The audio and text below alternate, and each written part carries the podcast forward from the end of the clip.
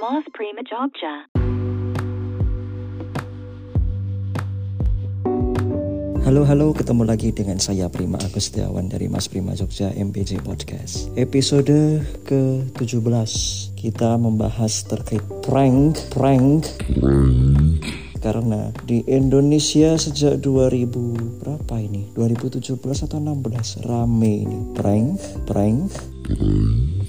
Selengkapnya tetap stay tune masih dalam 30 hari bersuara 2022 oleh podcaster Netra Indonesia dan The Podcasters Indonesia. Mas Prima Jogja MPJ Podcast. mempersembahkan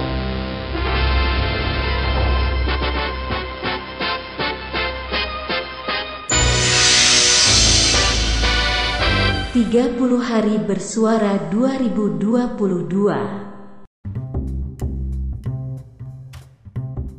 Akhir-akhir ini semuanya banyak video prank, prank. Sejak saya kuliah sampai sekarang ada-ada saja orang-orang nih. Kalau sejarahnya, aslinya nama prank itu dari nama negara Perancis. Mungkin daripada bilang France, France, France, atau Frank, atau French, mendingan bilang prank itu pada nama negara itu aslinya. France atau French kalau dalam bahasa Inggris itu sejarahnya sih yang aku ketahui di salah satu sumber. Eh tapi prank di sini yang aku dengar di YouTube maupun di beberapa video WA itu ada hal-hal yang sekiranya itu kelihatannya lucu tapi tidak baik untuk dilakukan dan itu tidak pantas untuk ditonton. Ya maunya sih menghibur tapi orang yang jadi target sasaran itu kayak tersakiti. Kasihan kan? Hah, aku ngerasa ini ada yang aneh ini. Kalian tahu nggak di TikTok ataupun di YouTube, Instagram Reels maupun di Facebook Reels sering kan melihat video-video yang semuanya adalah prank, prank, prank. Hmm, semuanya bisa di prank, prank, prank. Ya, boleh sih semuanya dijadiin bahan untuk prank, tapi nggak segitu-gitunya kali. Hah, susah. Apa-apa dijadiin bahan prank, prank, prank, prank, prank, prank. Mau main ini prank dulu. Main itu prank dulu. Terus mau ke mana prank dulu. Intinya semuanya di prank prank prank prank. prank prank. Dijadiin bahan prank di video. Ada satu hal yang itu tak pantas untuk dilihat dan itu tidak bagus itu. Di sebuah video tidak saya sebut nama videonya tidak saya sebut nama channelnya dan tidak saya sebut nama konten kreatornya. Inginnya sih memberikan bantuan sosial tapi ternyata ujung-ujungnya adalah prank prank. Nah, susah. Ah, itu sangat keterlaluan kalau ini. Ini ini sudah tidak boleh jadiin konten gitu ya.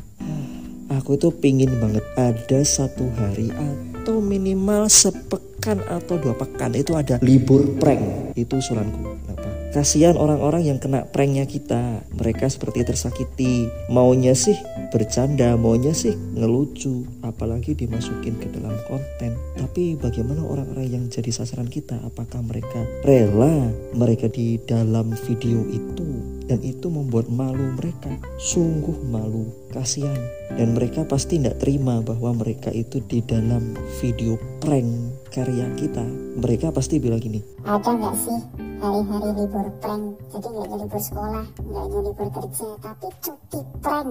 Bisa nggak sih? Malu aku. Itu pendapat mereka. Oke sebagai seorang tunanetra aku mengambil sudut pandang diriku ya tunanetra nih. Kalau orang awas biasanya pranknya pakai hal-hal yang sifatnya sederhana walaupun memang ada beberapa konten kreator yang menggunakan teknik prank yang memang teknik-teknik yang sangat-sangat tidak pantas dilakukan Ya, tidak semuanya, tetapi ada beberapa yang pranknya itu sudah keterlaluan. Kalau tunanetra sih, kalau diriku sekilas kalau mendengar video prank, ketawa sih ketawa, tapi setelah mengetahui pro dan kontranya prank setelah dilihat dari sosialnya, orang yang kena sasaran pranknya kita itu kayak seperti terdolimi, ah, dan masih banyak lagi. Eh, kayak jadi bahan tawa maksudnya.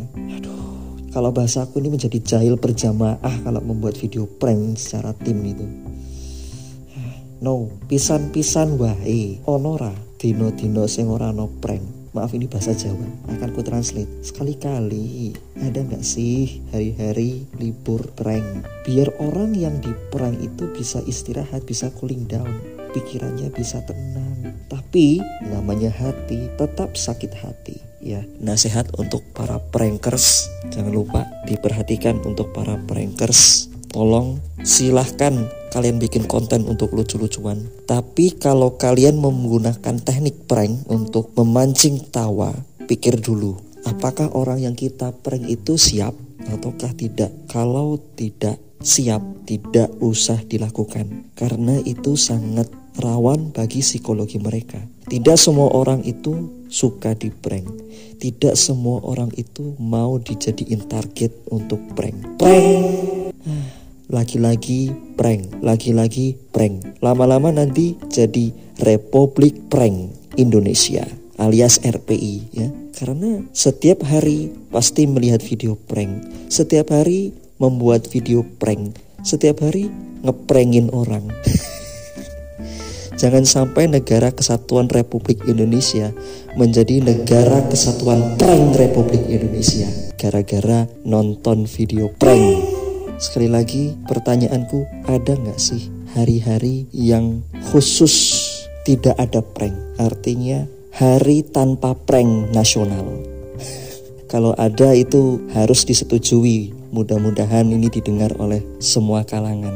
Aku menginginkan itu kenapa? Karena kasihan orang-orang yang di prank ya orang-orang yang di prank secara tidak langsung mereka malu secara tidak langsung mereka seperti tersakiti bahkan sakit hati. Terakhir setelah dipikir-pikir para prankers bagi yang punya keilmuan religi yang kuat nih ada nggak alternatif konten lucu tetapi tidak menyakiti? Nah itu juga dipertimbangkan karena hal-hal yang lucu tidak semuanya itu bikin tawa dan nambah imun tapi kalau kita tidak hati-hati kita sama juga mentertawakan orang yang tersakiti sungguh kejam dan itu sama juga keterlaluan Baik, hanya itu yang bisa saya sampaikan. Pesan saya, siapa pun kalian, entah konten kreator atau siapa pun, bahkan difabel, lebih-lebih tunanetra. Tolong ngeprank pakai etika. Kasihan orang-orang, nanti mereka bisa sakit hati, luka lara, nanti berbahaya jadinya.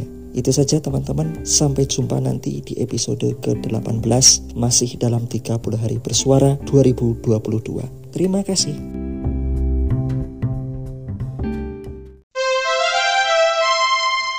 Moth Prima Jogja.